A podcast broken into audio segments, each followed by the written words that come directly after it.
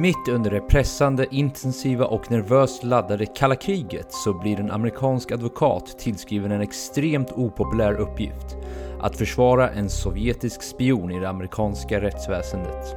Uppgiften utvecklas idag till något mycket större på såväl nationellt som på internationellt plan. Filmen vi ska prata om idag är regisserad av Steven Spielberg och skriven av Matt Charman, Ethan Cohen och Joel Cohen. I rollerna ser vi bland annat Mark Rylance, Tom Hanks, Amy Ryan, Austin Stowe, Jesse Plemons, Scott Shepard och Will Rogers.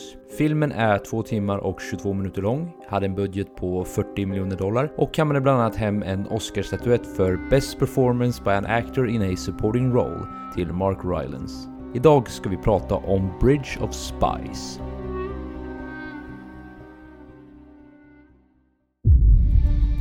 As far back as I can remember, I always wanted to be a gangster.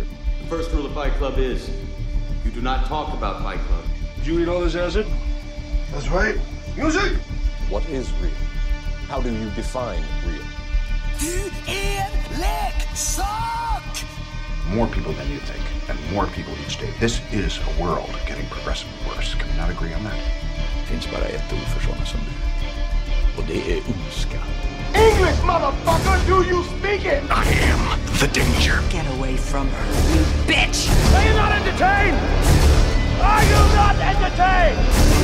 Why so serious? Hej allihopa och välkomna till ett nytt avsnitt av Spoiler alert. Avsnitt eh, 33 om jag inte minns helt fel. Minns jag helt fel? Du, jag har haft sommaruppehåll, jag har ingen aning Joel, det där är ditt jobb. Ja, visst är det det. Eh, jag slänger en softball till dig och du failar direkt. Nej, skämt åsido, det är avsnitt 33 och vi är alltså tillbaka från vårt lilla sommaruppehåll vi har haft. Det är vi. Och eh, det enda vi ska nämna egentligen som vi har förändrat med podden, det är väl eh, going forward nu så vanligtvis så har vi ju strävat och ändå lyckats jävligt bra tycker jag. Vi har ändå kämpat på rätt bra med att pumpa ut avsnitten. Eh, det vi har kämpat med har ju varit att pumpa ut ett avsnitt per vecka. Men i och med att vi båda nu ska plugga kommande höst så har vi bestämt att vi inte kommer hinna med det helt enkelt. Det kommer bara bli för stressigt. Det kanske blir halvdåliga produkter i slutändan och då vill vi hellre lägga extra mycket tid och ja, göra ordentligt helt enkelt. Exakt. Ja, så varannan vecka blir det helt enkelt framöver. Precis. Det är inte så mycket mer än så. Det är, vi har väldigt mycket i våra liv. Det var ju stressigt förra terminen höll jag på att säga, förra året, eller för, innan sommaren är väl det rätta. Eh, det var stressigt redan då att hinna med alla avsnitt med plugg och allting och jobb och ja, så att nu, det blir varannan vecka, det är inget mer än så. Precis. Eh, vi är sjukt tacksamma för att ni fortsätter lyssna och hope you will bear with us. Eh, ja. Men eh, det är väl inte så mycket mer än så, utan vi hoppar in direkt i kommande film, eller vad säger du? Det tycker jag. Eh, Bridge of Spies alltså. Ja, det var du som Eh, valde den här filmen. Ja, och eh, också på ett väldigt straightforward sätt. Jag har ju min numera lista av filmer som folk rekommenderar till mig Mm. för just sådana här tillfällen och eh, den låg i den listan, så jag tog den. Wow. What a story. Eller hur? Enkelt, punkt. Då säger vi hej då. Tack, för det här avsnittet. Nej men det är bra, det är bra. Det behöver inte alltid finnas en djup och härlig förklaring till varför man har valt Nej. en film heller, så så kan det vara. Men eh, spontana tankar, vill du dra dem också när du ändå är igång eller? Ja men det kan jag göra. Eh, ja men alltså, så här, jag gillar den. Alltså så här, jag, jag tänkte säga som fan, men inte som fan riktigt. Men jag gillar den ändå som fan minus. Om du förstår vad jag menar.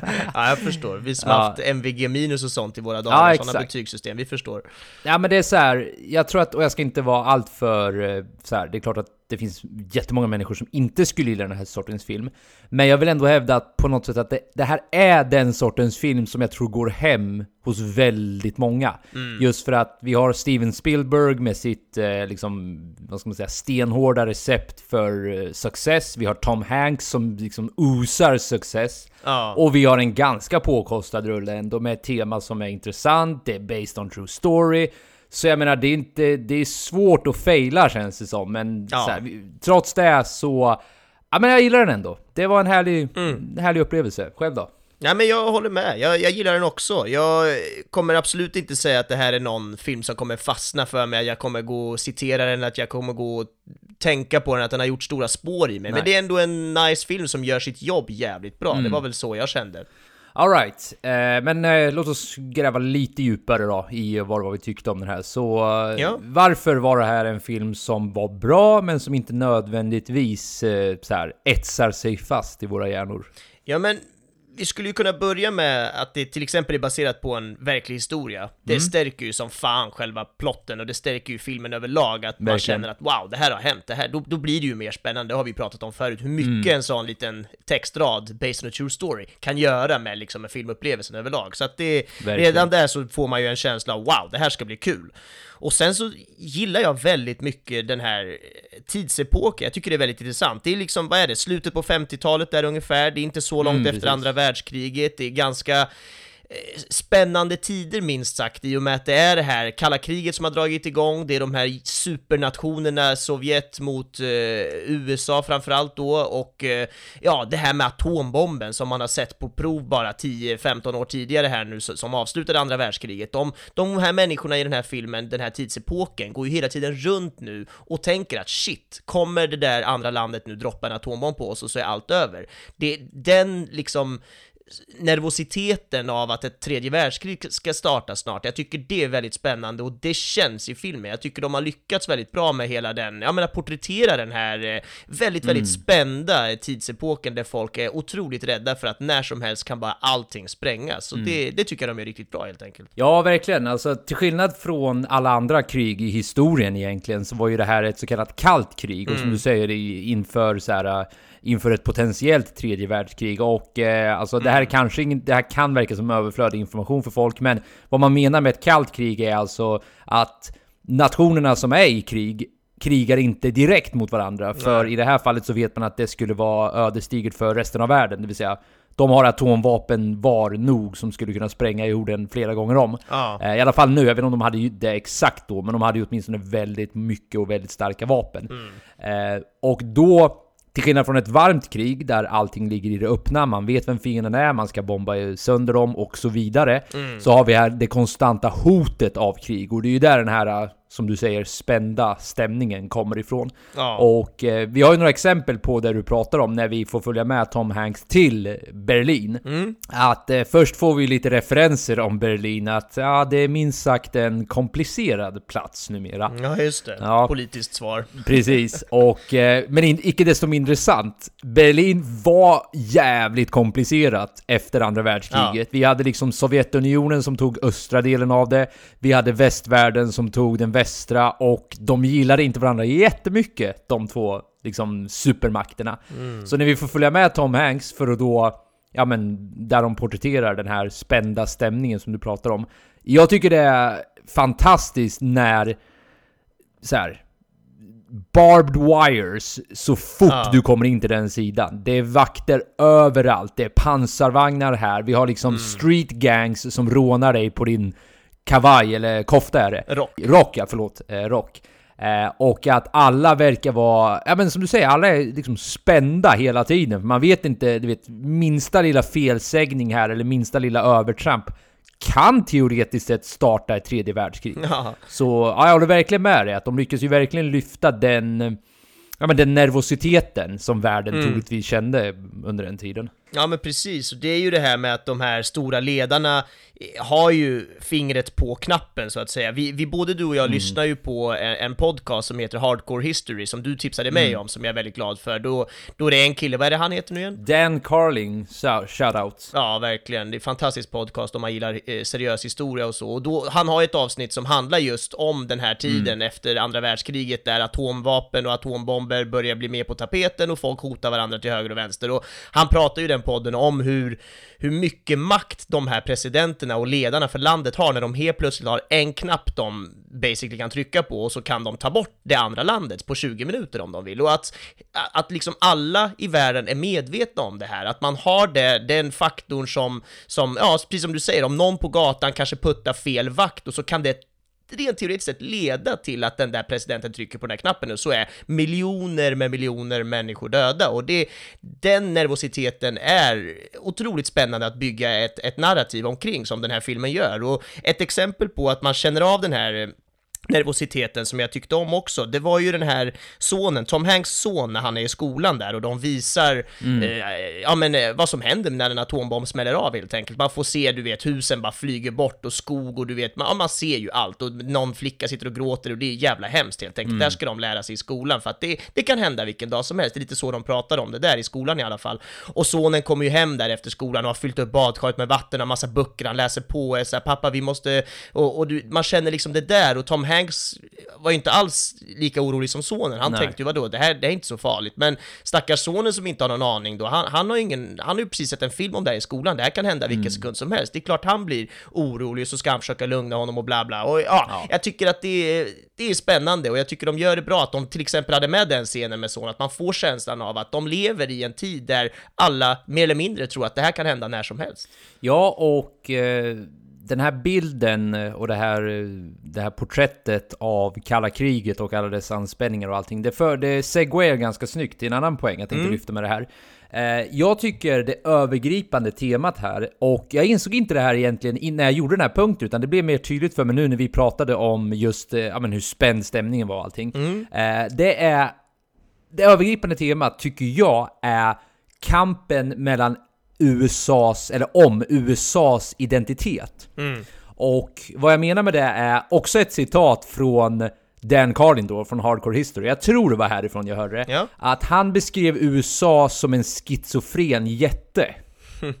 Och det han menar med det är att USA har ett uppdelat psyke. De har ena sidan av psyket har en otrolig självbild över USA som, du vet, freedom fighters. Och Ja. här tror vi på yttrandefrihet, vi tror på demokrati och alla ska få en lika chans inför lagen och vi sprider goda värderingar runt om världen och om alla bara ville lyssna på oss så skulle världen, du vet så här. Ja. Nästan olidligt goda ibland, att de har sån bild över sig själva att man nästan blir så här, ah okej, chill the fuck out, ni är inte så jävla Land of god." the Ja. free och allt sånt där. Det är den ena sidan. Sen har vi den andra sidan som är mycket mer base. Som är mycket mer så här, orolig för så kallade realpolitiska problem. Det vill säga hur världen faktiskt ser ut här. Att vi har här en supermakt med atomvapen. Vi måste säkra våra yttre gränser i Europa. Vi måste säkra våra inre gränser. Vi måste, vi måste ha en aktiv del i så här post World War II world. Det vill säga vi ska vara en stor del av det här. Ja men den lite mer så här, giriga versionen av USA Ja. som så här, man kan stereo, vad säger man, stereotypisera. Är det ett ord? Ja, det lät som ett fint ord, jag tycker vi kör på Ja. det om inte annat. Ja, vi kör på det. Om inte annat så är det ett nytt ord nu. Ehm, det jag menar är den stereotypiska bilden man ibland kan ha av en amerikaner som rik, girig och krigssugen liksom. Så det är de här två bilderna av USA som hela tiden brottas med varandra om vilken, vad är vi egentligen? Och eh, för att liksom föra in den här ranten då till eh, podden och filmen. Jag tycker ju att Tom Hanks representerar den första sidan väldigt bra här. Att han representerar idén med USA. För jag tror att under flera gånger i filmen så både nämner han det, eller så hintas det om det, att vad handlar det här kriget egentligen om? Det handlar om två olika sätt att se på världen. Det handlar om det västerländska sättet att se på världen och det handlar om det ja, men, österländska eller sovjetiska sättet att se på världen. Och vad är då vi om vi helt plötsligt under den här prövningen ger upp den kampen och blir lika illa som vi påstår att fienden är? Ja. Så jag skulle som sagt vilja hävda att hela filmen brottas med det här, för vi får konstant följa Tom Hanks i hans strävan efter att upprätthålla den här bilden och att övertyga. Vi får ju se till exempel hur han försöker övertala CIA-agenterna om att Ja. lyssna, vi måste släppa båda snubbarna. Ni fattar väl att vi inte bara kan lämna en oskyldig student här borta? Det skulle jag säga är precis den bilden av amerikanerna som de vill ha av sig själva. Men så har vi den där realpolitiska sidan som då representeras av den här CIA-agenten. Som är mycket mer realistisk och säger nej, nej, nej, vi har ett mål här. Det där är en jävla idiotisk student som bestämde sig för, jag tror att det här nästan är ordagrant, att han bestämde sig för att plugga sovjetisk ekonomi i Berlin på 50-talet. Fuck honom liksom, han får skylla sig själv.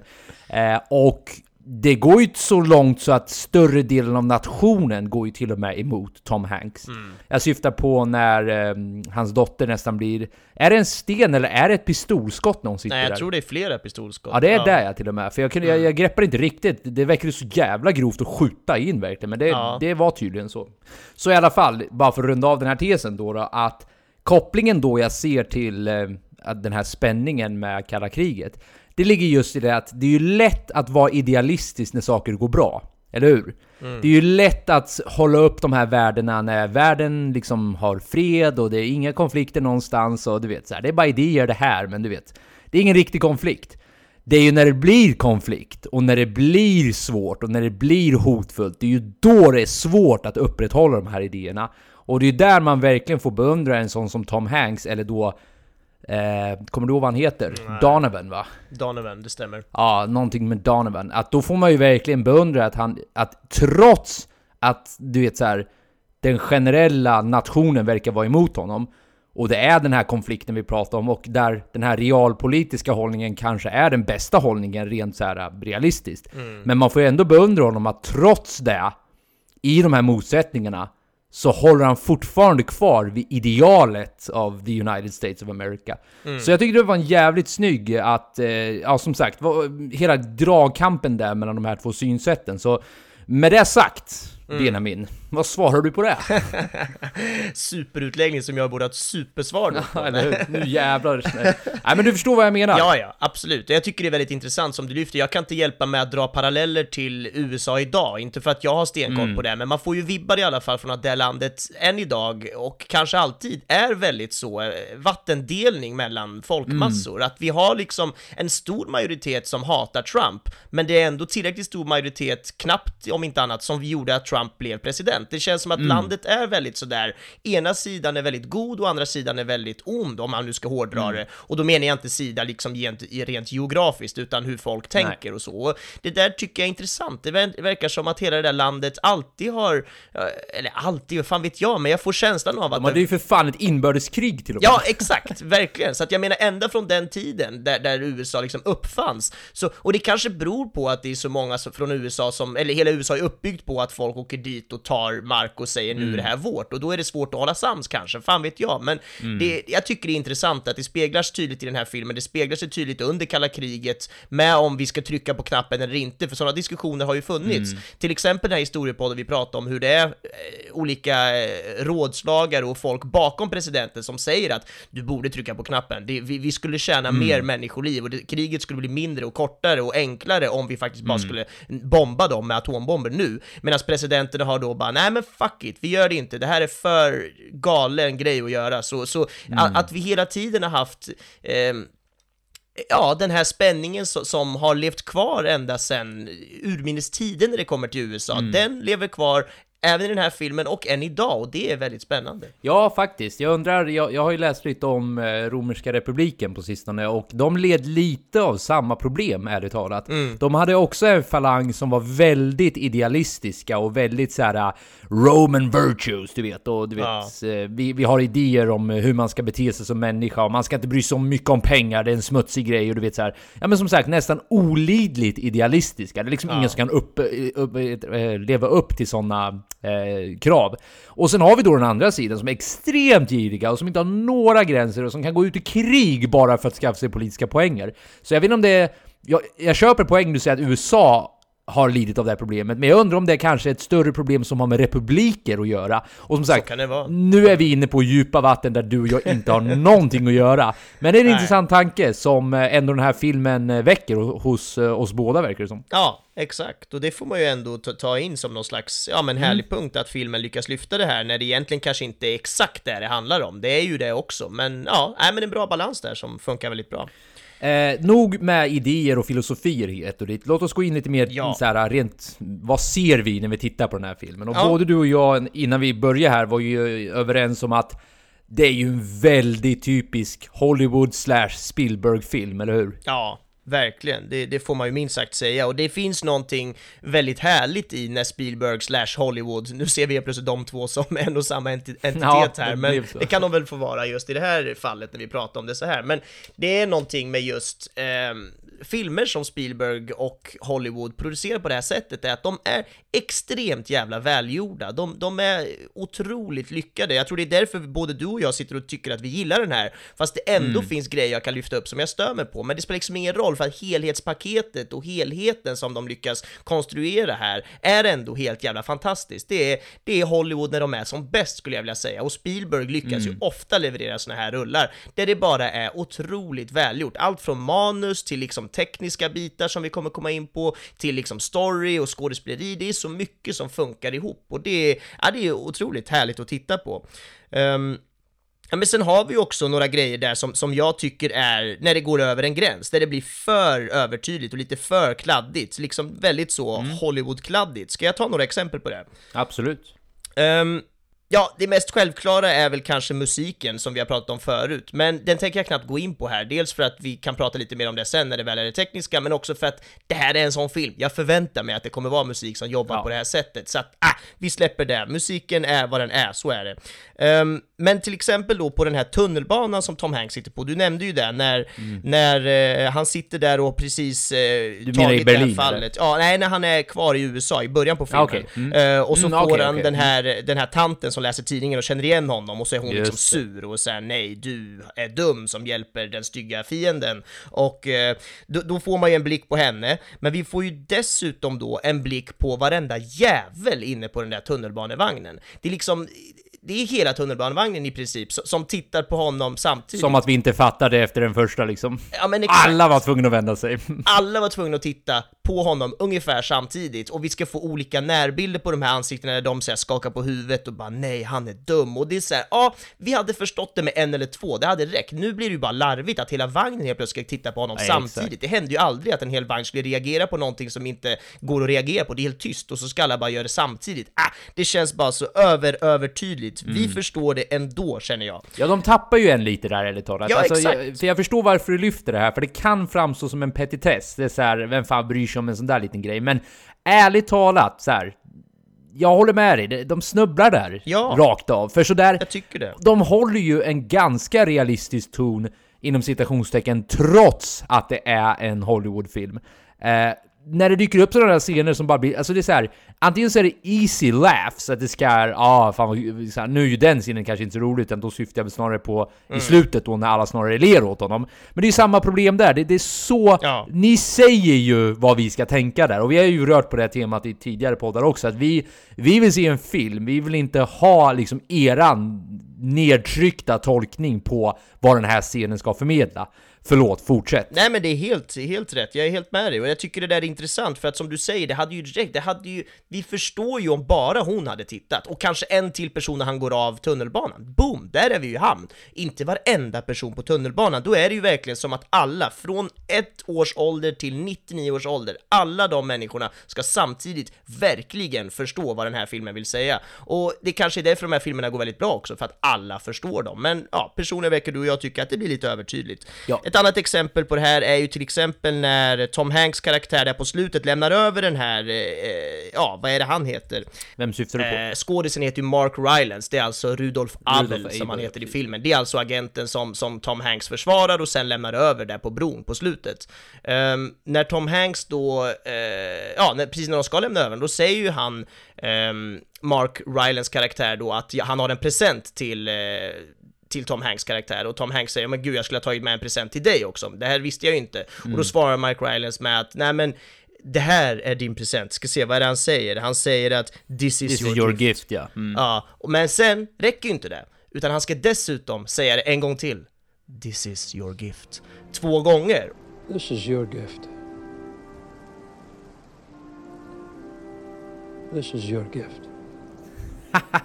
Och där känner jag också, det är så här, vi förstår det på första gången. Han måste inte på riktigt klassiskt Hollywood-manér säga det lite mer övertygande och med den tomma blicken ut i luften en andra gång. Vi hade förstått det på första gången. Jag vet att det är en petitess, men det är ändå de här små grejerna som gör att jag sitter där och bara ah, kom igen Hollywood. Ehm, ja, sen är det ju det här, precis, slutscenen på tunnelbanan, du nämnde ju det också, när, när det är tanten då, samma tantjävel då som upptäcker att han nu är god istället och ska le åt honom. Varför är det samma tant? Hur, vad är oddsen på det? Visst, han kanske åker samma tub varje morgon, men råkar hamna bredvid henne. Hon är den som ska ge blicken. Äh, kom igen! Det hade väl bara kunnat vara någon annan så hade jag mått så bra. D där var det i alla fall inte hela vagnen Nej, det är som sant. tittade Jag på honom fel. Men det var i alla fall Ja. samma jävla Mm. person. Kom igen, det hade kunnat varit någon annan istället så hade jag köpt den lite mer. Mm. Och sen då precis efter hon har lett mot honom, eh, då, då kollar ju han ut genom fönstret och då ser han ju några pojkar som hoppar över ett staket där, Mm. och då får han ju en flashback liksom, ja, det, och det, det, jag gillar den grejen, det finns något fint i att så här, ja, här, här kan de hoppa över staket, Mm. medan där borta kunde de, blev de nedskjutna när de hoppade över den där muren, eller försökte hoppa över Berlinmuren. Mm, ja, i, i Östberlin ja. Precis, och det fanns en fin liksom, metafor eller liknelse tillbaka till den situationen. Samtidigt känner jag, ah kom igen, Se, precis det börjar med att det är massa amerikanska flaggor utanför de här husen, Ja. det är väldigt så guldigt och fint i ljussättningen, det är väldigt så här, mm, mys, här i, här, i, här i USA så kan man hoppa över staket hur mycket man vill, samtidigt som vi vet att Trump håller på att bygga fler murar än vad han fucking tar beslut, så att det,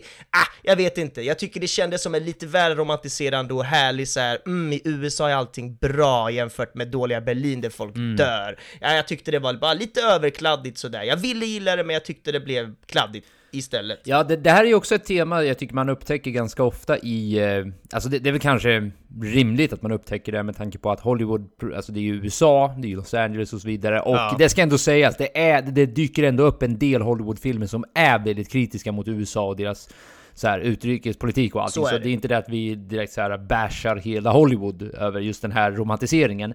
Men eh, den är ju också väldigt pro-pro USA, just den här filmen. Och eh, jag har väl inte riktigt landat i vad jag tycker om det. Alltså så här, till viss del kan jag också tycka att lite mycket, det är så här. Ja, jävlar vad mycket, vad mycket bättre USA är och allt det där. Ja. Men å andra sidan så är det ju, så det är ju sant också på ett plan. För jag menar, säg vad man vill om USA, men Östberlin på 50-talet var ju inte en vacker plats. Nej, Så, så är jag är villig till viss del också att köpa att det var väldigt patriotiskt och att det var väldigt att USA var väldigt mycket bättre. Ja. Sen kan man absolut lyfta, som du säger, de problem USA har idag med deras utrikespolitik och allt Trump Ja, men på. det är samtidigt inte det den här filmen handlar om, så att jag, jag får ändå köpa att de vill porträttera hur skillnaderna var mellan de här två länderna på den här tiden, alltså Ja, 57. exakt. Ja, men det är där jag landar jag, jag, jag kan köpa Ja. det. Ja. Nej men absolut. Jag, jag fick väl bara något sånt där, ah, lite övertydligt igen, Mm. kladdigt kände jag. Men det är klart, de, de får vara patriotiska, jag, jag kan gå med på det. Alright, eh, en sista grej jag skulle vilja nämna bara innan vi går över till det tekniska. Det är hur jag tyckte att den var legit väldigt spännande. Mm. Alltså jag var väldigt så här, det var väldigt gripande i Ja men som sagt hur spännande den var hela tiden. Jag, för det Ja. första så kände jag inte till den här storyn. Gjorde du det? Nej. Nej, så då vet ju varken du och jag hur det ska gå. Vi vet ju inte om, du vet, Mm. de kommer skjuta båda de här snubbarna, vi vet inte om han kommer lyckas med... På ett plan visste man typ det, för den, den, tonen av den här filmen var ju att han skulle lyckas och han kommer vara Ja. the hero of the story och så vidare. Eh, men jag tyckte ändå de var legit spännande väldigt mycket. Jag visste till exempel inte, du vet, nu, jag vet att Tom Hanks kommer ju överleva det här, men kommer han bli nedslagen av det här gänget nu i Östberlin? Jag vet ju som sagt att Abe, att det här bytet kanske kommer ske, men kommer det ske, kommer alla få som de vill? Eller kommer det sluta med att någon blir skjuten eller du vet, något liknande? Eh, så jag satt verkligen på helspänn under flera stunder i den här filmen. Vad, vad tycker du? Jo, men jag håller med. Jag tycker också det var väldigt spännande och jag blev nästan imponerad på hur filmen ändå lyckades göra det så pass spännande när jag ändå sitter och tycker att den är ganska förutsägbar. Jag, Det var ändå som jag förväntade mig eh, ungefär vad som hände, alltså att ingenting riktigt illa hände, bytet gick bra, Tom Hanks blev hjälte, alltså hela den här Mainplotten kändes ändå väldigt tydlig, men ändå så lyckades det bli ganska spännande, så det får jag hålla med om att det är, det är big cred till, till, till filmen överlag, att den, ja, den var jävligt spännande helt enkelt. Ja men det kändes eh, stundtals lite som jag kan tycka att vissa Avengers-filmer känns, eller Marvel-filmer. Och Du är ju inte riktigt lika inne i de här som jag är, slash var, håller jag halvt på att tappa dem lite. Det kanske är diskussion för en annan podd. Men det, för det, sättet jag ser de här filmerna på är ofta, jag vet att the good guys kommer vinna. Frågan är bara hur de kommer vinna, och hur spännande kommer det bli däremellan. Och det var lite så jag kände här, utan att jag direkt tänkte de här tankarna när jag satt och tittade. Jag hade bara känslan av att everything's gonna work out, men hur kommer det work out? Ja. Och eh, jag kan väl säga att jag är väl lite besviken över att allt ändå gick så bra, men då får jag också landa vid att det var ju säkert så det hände. Alltså det här är ju som sagt based on a true story. Ja. Så vem fan är jag att sitta och säga att nej nej nej, the true story borde varit mörkare? Alltså det make ju ingen sens. Mm. Det, det var så här det hände liksom. Ja, vi, så vitt vi vet i alla fall, jag, vet, jag har inte läst speciellt mycket om det här, men vi får utgå från att det är sant i alla fall. Så jag kan ju inte heller direkt säga att ah, den borde ha slutat lite mer olyckligt, även om jag tycker att den skulle vara starkare som film om den gjorde det. Ja. Om det blev lite konflikt här, om du vet när studenten kanske dog, eller by, bytet kanske misslyckades halvt, eller rent av Tom Hanks kanske blev skjuten, vad vet jag?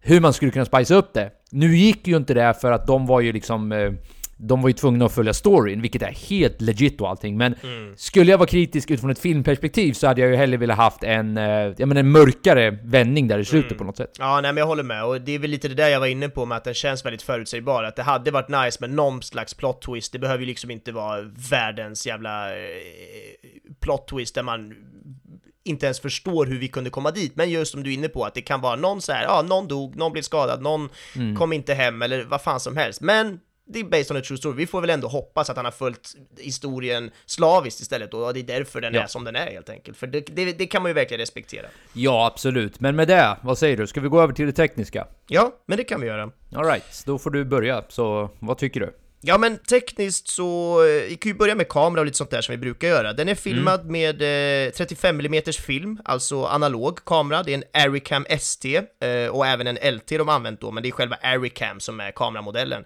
Eh, supervanlig kameramodell just när det kommer till att filma film då. Det här med analog film har vi ju pratat om förut och det är ju, den här filmen är inspelad 2015. De skulle absolut hade kunna ha spelat in den här digitalt om de vill, tekniken fanns, det inga konstigheter, men de har ju valt att jobba med, med, med riktig film då just för att det får den här lite äldre och grynigare och konigare känslan i bilden som passar så bra när man ska porträttera en äldre tidsepok som det är här då, slutet på 50-talet, så att det, det är väldigt smart att jobba analogt då.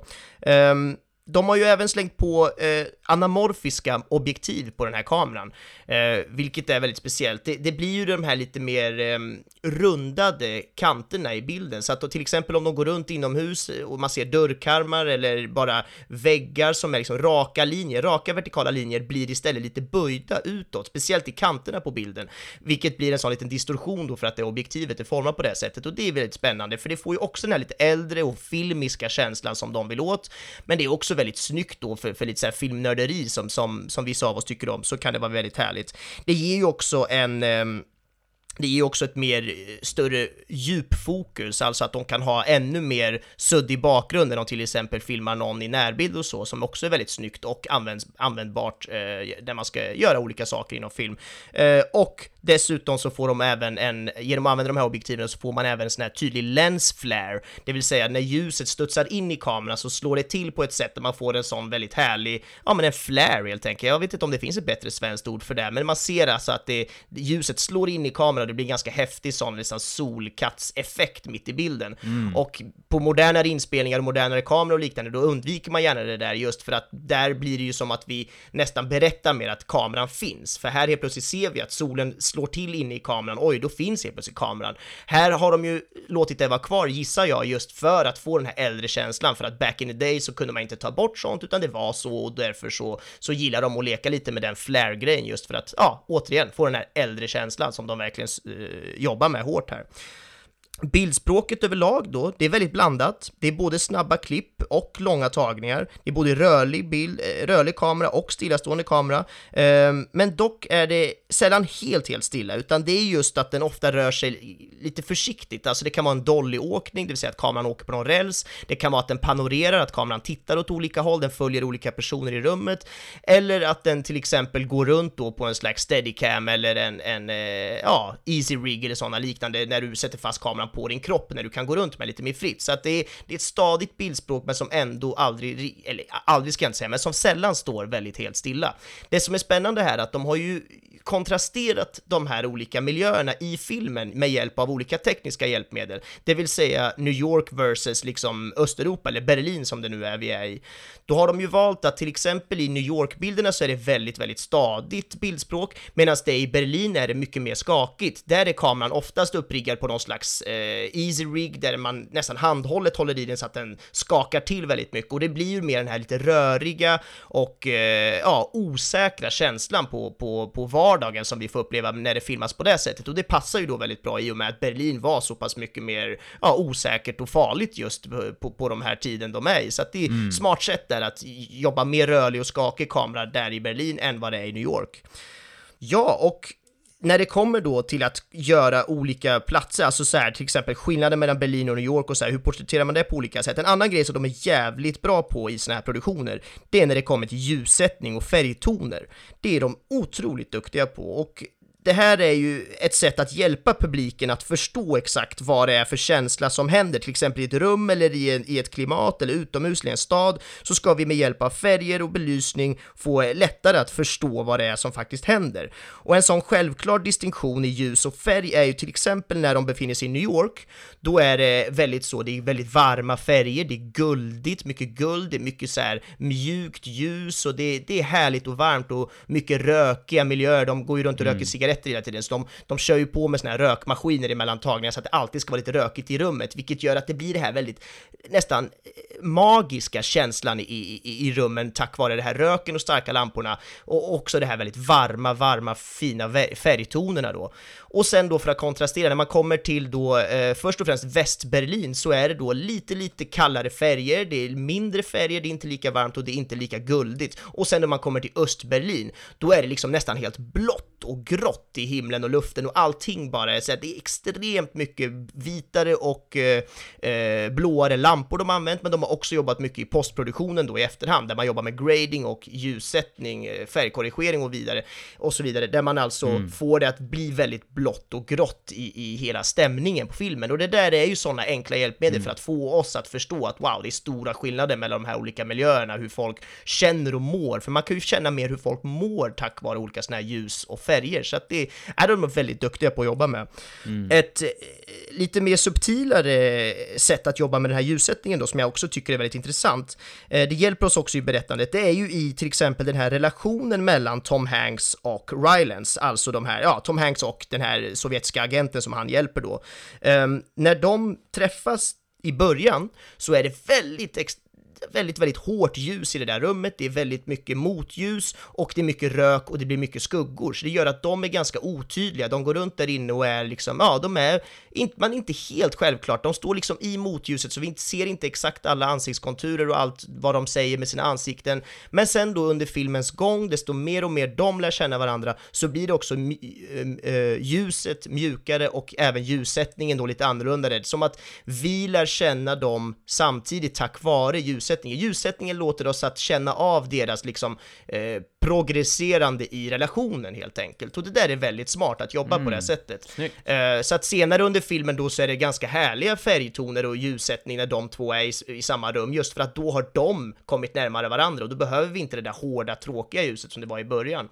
Och ett sista exempel på allt det här som jag tjatar om nu då är ju till exempel slutscenerna på bron där när de ska göra det här bytet. Mm. Då är ju liksom den, den mer sovjetiska delen av bron där, där de ska lämna bort de skurkarna som vi i det här amerikanska sättet att se på det kan välja att kalla dem. Vad är det de säger nu? Det är ju kommunister va? The communists, det är ja, väl exakt, det de kallar precis. dem. Ja, så att kommunisternas sida är ju mycket mer mörk och eh, starkt motljus och man ser liksom nästan bara silhuetter där borta. Medan den amerikanska sidan har ju varmare ljus och det är mer mjukare ljus och det är liksom trevligare nästan stämning bara att få vara där. Och där återigen så jobbar de med de här kontrasterna för att det ena ska kännas mer som något kallt och ont och det andra ska kännas mer som något positivt och gott.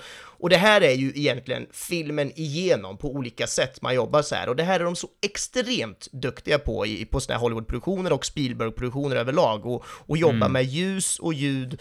Eh, nu nämnde jag inte ljud någonting, men det är också såna här detaljer. Det är mm. bara så jävla välarbetat i det minsta detalj och det är, ja, det är riktigt härligt att kolla på. Ja, det var ju liknande jävla bra observationer måste jag säga. Sjuk, sjukt eh, intressant info. Tack. Eh, speciellt det här med liksom, hur ljussättningen ändrades baserat på deras relation. Det gillar jag jävligt mycket. Ja. Eh, men eh, jag, jag minns att vi gjorde liknande jämförelser på när vi, när vi poddade om The Post. Ja. Eh, det vill säga avsnitt 3 om ni skulle vilja lyssna på det. Det är också en Ja, Spielberg-produktion. precis. och Ja. där minns jag att vi jobbade, eller att de jobbade jävligt mycket med ja, men olika färgtoner, olika kameraarbeten som lyfter Ja. upp. I det här fallet handlar det mycket, om jag minns rätt, om så stressen på en nyhetsproduktion till exempel. Mm. Jag minns till exempel att vi båda gillade scenen väldigt mycket i slutet där när de eh, Ja, nu blir det ju minor spoiler här kanske, så jag, jag kanske inte ska säga vad jag hade tänkt att säga, men Point being i alla fall att Spielberg slash Hollywood, som vi nu väljer att liksom sammanfoga de två, precis som du säger, är ju jävligt bra när det kommer till just det här med kameraanvändning och ljusanvändning och allting, men eh, snäppet vassare i den här filmen tycker jag. Ja. Eh, nu, nu ska jag förvisso säga att det var ett tag sedan jag såg The Post, det var ju när vi poddade om det, vilket var så här, säkert ett par månader sedan i alla fall.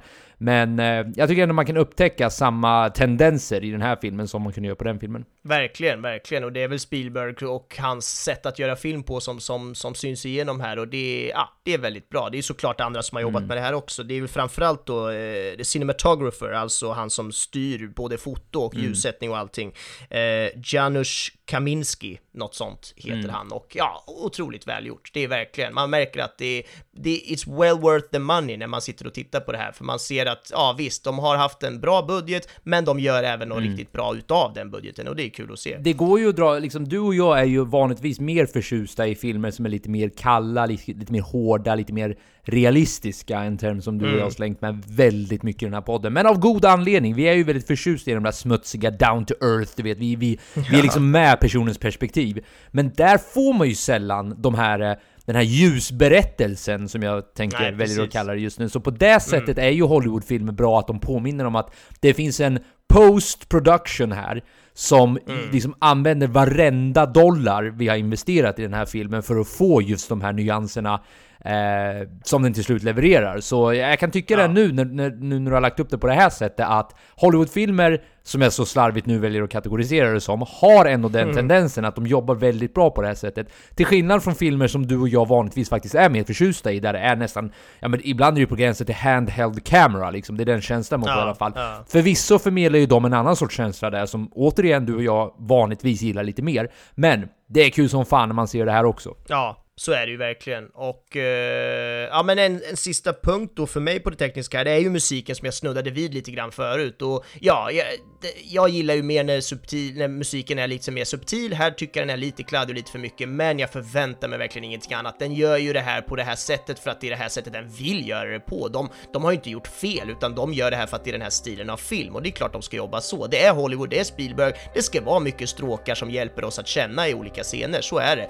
Däremot ska jag istället vända på steken och säga jävla vad vacker musik det var, otroligt fint. Och det är ju Thomas Newman som har eh, komponerat den här musiken till filmen och det, ah, jag tycker den är riktigt vacker och härlig att lyssna på. Mm.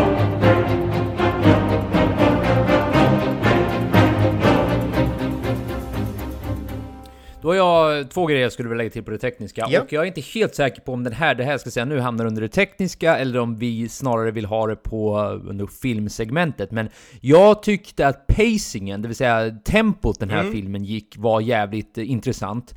Eh, för vi har en film här på två timmar och 20 minuter, och vi har ändå väldigt många olika storylines som sen ska liksom sättas ihop då i slutet. Alltså vi har ju Först har vi ju rättegången i början som är alltså då Tom Hanks och eh, ja, Abel-karaktären. Ja. Eh, och det i sig är ju en storyline som de ändå...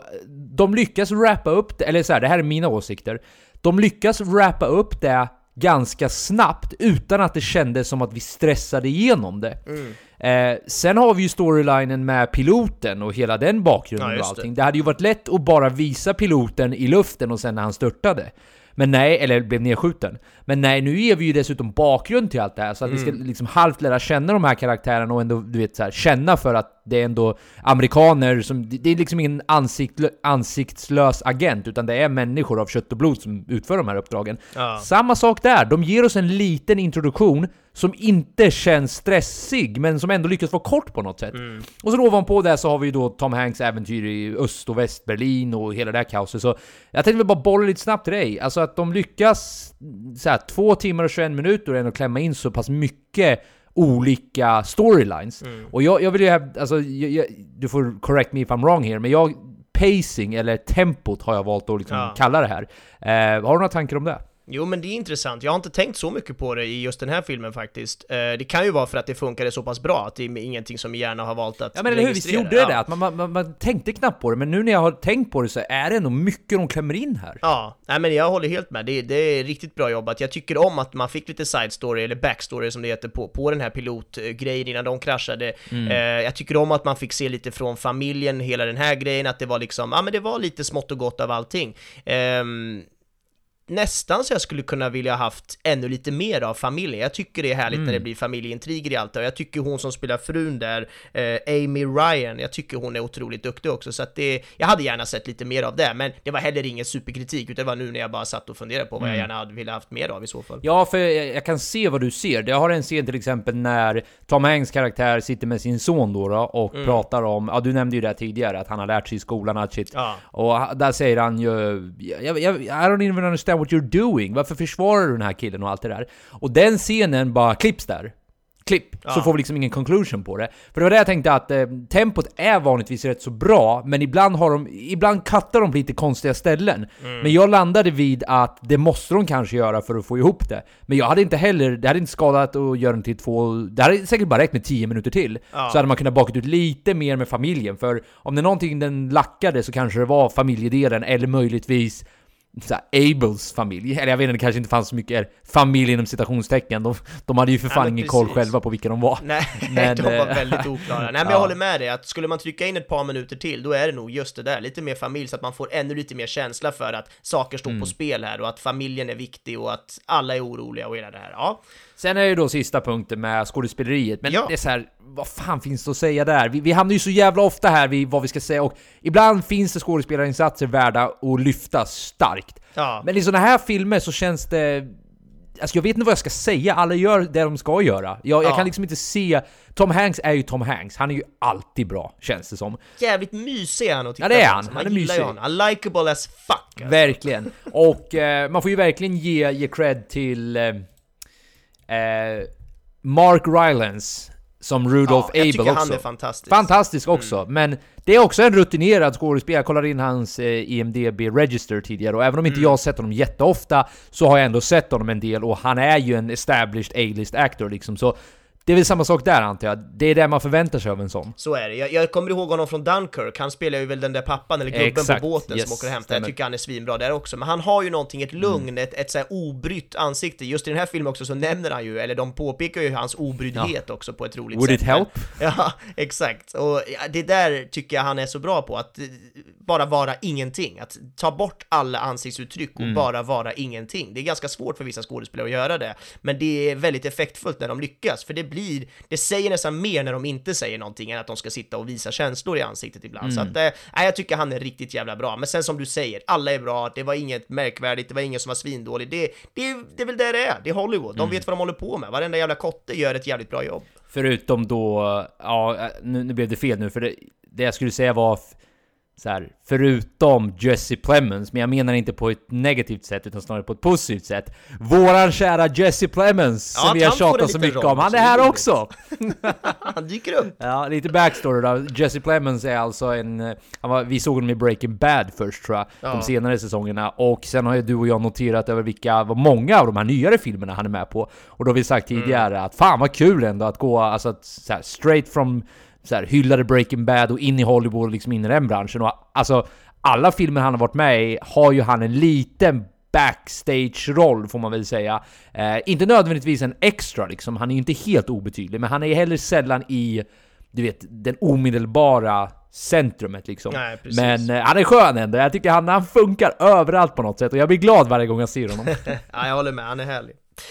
Ja, men med det sagt, är vi ganska klara kanske på det tekniska eller? ja, absolut, så vi, vi drar väl en summering på det då, Mm. och sen, eh, sen lite roliga, roliga fakta på det. Ja, kul.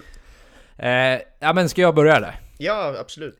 så här, typisk Hollywood-rulle som ändå porträtterar en intressant, vad var det du kallade det förut? Tidsepok. Ja, Eh, och eh, ja men gör det den ska med eh, ett, ett intressant tema som ändå är värt att påminna folk om att dels har det hänt och dels är vi ju fortfarande i den situationen. Det vill säga att det är tusentals atommissiler som är riktade mot varandra. Mm. Det vill säga Sovjetunionen, eller numera Ryssland och USA. Eh, så ett fascinerande tema, producerad av en Hollywood-ensemble som gör sitt jobb. Verkligen, och jag behöver inte återupprepa, jag instämmer. Det jag kan lägga till är väl bara min egen känsla att det, det här är verkligen en sån film som, som på, eftersom den gör ett så bra jobb så gillar man den. Men jag kommer inte göra så mycket mer. Jag kommer inte komma hem och hylla den, jag kommer Nej, inte, jag kommer inte älska den, utan jag gillar den. Den funkar. Bra film, så är det med det. Punkt. Och min favoritscen är scenen när de dyker upp i Berlin för första gången. Det vill säga scenen då Tom Hanks inte är med överhuvudtaget. Jag menar scenen då man får följa Ah, cyklisten. studenten. Precis, eh, studenten menar jag. Jävel, det är också jag visste min. väl att det var det, för jag, jag sa ju till dig innan vi började spela in att jag hade glömt att välja en. Ja. Men så tänkte jag efter, jag kommer nog säkert hitta en bra, och sen tänkte jag efter, bara, den stod fan mig ut. För visst gjorde den det? nice. Verkligen, jag tycker om den så mycket, speciellt den här när han cyklar längst med muren och vi, kameran åker med bakom honom, det är en enda lång tagning och man ser alla de här människorna så du vet, som kastar resväskor och några bygger liksom muren och några ska klättra ner från något fönster och det, det är så jävla Mm. mycket kaos och så dessutom är det de här olika ljussättningen och blåa färgtonerna och allting och det, ja, det är en riktigt häftig miljö där, mycket statister och det, det, ah, det är coolt, det är snyggt och hemskt på samma gång där så att det, det är mycket i den scenen som, som eh, berör, så är det ju. Och med det sagt så går vi över till lite roliga fakta då. Ja, vad kul, det är du som har dem den här gången. Ja, eh, okej så det finns jättemånga av de här på filmens IMDB-sida. Jag kommer rabbla upp ett par stycken, men ta er tiden och läs de här. De är jävligt bra faktiskt. Ja, kul. Eh, så först och främst, Tom Hanks berättar tydligen under pressträffen inför, eh, alltså då promotandet av den här filmen att när karaktären som han spelar, det vill säga James Donovan, argumenterar för Rudolph Abel i högsta domstolen där, så var det exakt samma ord som användes under den riktiga presskonferensen, eller inte presskonferens utan riktiga domstolen där. Coolt. Eh, det var tydligen verbatim som man säger på engelska, att det var ordagrant. Eh, Så ja, vi pratade ju tidigare om att vi hoppas att Steven Spielberg var korrekt och så här, det här indikerar ju åtminstone på det. Ja, nice. Eh, Och lite intressant om Rudolph Abel då, om det var otydligt hur han torskade. Vad som hände var tydligen att han hade ju då en ihålig amerikansk krona där eh, de liksom levererade små mikrofilmer. Ja, det får man ju se där i början på filmen. Ja, exakt. Man får ju se lite av det. Men var det uppenbart för dig hur det var han torskade? Eh, nej, det var väl helt plötsligt bara massa agenter som stormade hans lägenhet. Exakt, typ. Ja. man får ju inte se det. Nej. Eh, för, för jag var tvungen att dubbelkolla ifall jag hade missat någonting, men nej, man får inte se det, eller hur? Nej, jag tror inte det. nej. Vad som hände i alla fall var att Tydligen så var det en annan agent som också hade en liknande pengar, eller som hade fått tag på den här. Det, det var ärligt talat lite otydligt när jag läste den här trivian. Men personen, den, här, den andra Sovjetagenten Mm. då, hade tydligen försökt att köpa en tidning med den här kronan. Ah. Och eh, han hade själv torskat på det och bara, ja du vet. Ja, han hade glömt bort den tror jag. Shit. Så när han köpte den, drog iväg, så insåg den här, vad heter det, nyhetskillen då att fan vad lätt den här kronan var. Så då släppte han den på marken och då liksom öppnades den ju. Eh, och så, så han skickade in den till FBI som lyckades cracka meddelandet som stod där i och sen hittade de honom på den vägen. Vad Så så sjukt! Så han, någon jävel drar årets liksom felsteg, går och köper Ja. en tidning med den magiska hemliga agentkronan, det enda du Fy- inte får ja. göra. Fy fan. Ja, vad roligt. Ja, det, det är fy fan verkligen. Dålig dag på jobbet. Var det måndagsångest kanske? Ja, det var nog måndagsångest. Det var lite för mycket vodka på söndagskvällen. Ja, okej. Eh, tydligen så var Rudolph lite halvskumma accent, för de pratar ju lite om det under filmen, att han har en väldigt så här brittisk accent. Den är tydligen korrekt. Han föddes i Newcastle till ryska föräldrar och spenderade sin barndom i Skottland. Men sen flyttade han till Moskva i sin ungdom, men han lyckades aldrig helt tappa sin eh, engelska dialekt. Nej. Så det är Kul. också korrekt. Snyggt! Extra plus till skådisen om inte annat. Ja. Det här, det, det här kommer du gilla också tror jag. Så under scenen utanför rättssalen, du vet när alla foto, fotograferna så här, tog bilder med deras Ja. eh, De här gamla kameror. klassiska kamerorna Exakt. också med de här stora Eh, blixtarna och, och- allting. Precis, med flashbulbs. Mm. Eh, så tanken var tydligen först att de här eh, ja, men, skådespelarna, då, extra eller vad du kallar dem, skulle lägga de här eh, flashlights, flashbulbs, vad det, de där lamporna i alla fall. Glödlamporna. Mm. Precis. Skulle, de skulle tydligen lägga dem i deras fickor egentligen. Men bland alla de här extra slash, eh, ja men de skådespelarna som utförde det här, Mm. så var det tydligen en historiker med från New York Press Photographers Association. Nu ska jag New York Press Photographers Association. Ah. Och han berättade att tydligen så, på den tiden så sket man i att lägga dem i fickan. Man droppade dem bara på marken. Aha.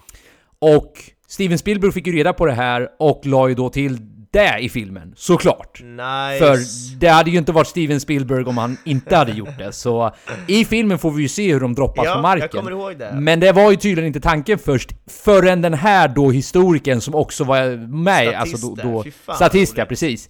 Ja exakt, det är lite roligt. Ja det där gillar vi ju. Det är kul, de där gamla glödlamporna, att, det, att det var så att de tog en bild och sen är den liksom förbrukad, en engångsblixt, så varje gång måste du byta den där glödlampan Mm. till en ny då och säga fan vilket icke-miljötänk, men det tänkte man ju inte på för 60 år sedan såklart. Men Nej. roligt då att de på den tiden också bara slänger ner dem på marken. Jag kan verkligen förstå det nu när man ser det så här. Det är, ja, och att han tar in det. Ja, kul! Sån här fakta gillar vi. Ja men jag, jag misstänkte att du skulle gilla den mer än, mer än mycket annat. Men så en sista då, och som sagt, jag, jag rekommenderar er verkligen ta fem minuter och titta igenom de här, för de är jävligt bra faktiskt.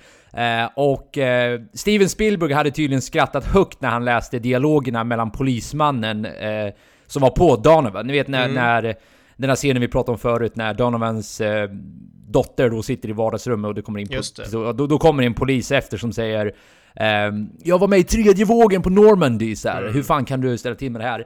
Då, när Spielberg läste det här så var han med Tom Hanks tydligen, och då, då skämtade han till Tom Hanks som att han borde ha svarat, alltså Tom Hanks borde då ha svarat Ja, jag var först!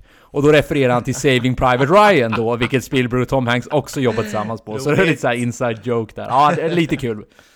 Kul. Eh, ja, jag skulle kunna slänga har- in en till liten ja, som jag absolut. hörde på ett annat ställe. Jag läste en liten intervju med, med, om det var fotografen eller om det var Spielberg själv, men det var just att, jo men det var Spielberg själv som hade gjort det. Just det här du pratade om, när, när de, där du var osäker på om det var pistolskott eller stenkastning in där genom Mm. fönstret, där dottern ligger där i soffan. Det var tydligen pistolskott på riktigt, men på riktigt så avfyrade, avfyrade de bara ett skott in genom det här fönstret. Men Spielberg ville Ah. då ha lite mer dramatik och lite mer Hollywood, så han la till att de sköt in fem sex gånger istället genom fönstret. Okej, okej, okej. Så det är en liten sån side fact. Ja, ja men nice. Eh, och för en tredje gång, eh, jag tänker inte rabbla upp fler utan ta och läs på dem, de är jävligt Vi roliga. går in på IMDB, vi Eh, lovar exakt, Joel. ja, Tack för tack. tipset om inte annat. Ja, nej men absolut. Eh, och eh, med det så ska väl du berätta nästa veckas film innan vi rundar av? Det ska jag. Eller förlåt, vi ska väl förtydliga. Det blir ju då inte nästa vecka, Bra. utan det blir ju två veckor. Vi, vi håller ju fortfarande, det är lika bra att ta det nu tänker jag, att vi kommer ju, gott folk, fortfarande att hålla oss till onsdagar då vi släpper avsnittet och fredagar då vi teasar vilken film det är på vår Facebook-sida på, vi heter spoiler alert där. Eh, men avsnitten kommer ju då släppas varannan vecka, så bara notera det. Exakt så är det. Så um, om två veckor då så kommer podden att handla om filmen The Hours. Yes. Timmarna på svenska. 2002 kom den och eh, har ju Meryl Streep, Nicole Kidman och Julianne Moore i en trippelhuvudrollsgrej eh, där får man väl ändå säga och eh, ja, den kommer det handla om. Jag har i sommar faktiskt läst den här boken, så det är lite därför jag väljer filmen och tänker att fan vad kul, jag ska för en gångs skull få jämföra en bok mot en film, för det gör jag ju så sällan eftersom jag inte läser så mycket, så att det ska bli kul att bara få prata lite om det. Men om två veckor i alla fall, timmarna på svenska, The Hours 2002. Eh, och med det så tackar vi som fan för att ni har lyssnat. Eh, Benjamin, känns fett nice att vara tillbaka. Jävligt kul måste jag säga. Verkligen. Och... Eh, Det var ett långt härligt sommaruppehåll, men gud vad vi ändå har saknat den här lilla stunden. Mm. Det är härligt. Ja men verkligen. Och eh, vart finns vi? Vi finns ju där poddar finns, i varenda jävla poddapp mer eller mindre, så att det är ju bara att söka upp där, även på Spotify och alla de här stora kända apparna. Eh, och så som du nämnde lite snabbt där också, spoiler alert heter vi även på Facebook. Det är väldigt smart att vara med i den gruppen för då ser man kommande filmer, man ser om det skulle vara något, ja, något man behöver veta eller inte veta. Det är en väldigt bra grupp om man gillar den här podden helt enkelt, så gå in där. Och jag säger det bara en sista gång nu. Avsnitten kommer alltså komma varannan vecka. Vi, eh, Ja. På grund av plugg, liv, bla bla bla. Eh, så är det. Men vi är sjukt tacksamma för att ni, ni är med oss och eh, på återhörande. Så säger vi, ha det bra, hej då! Hej då!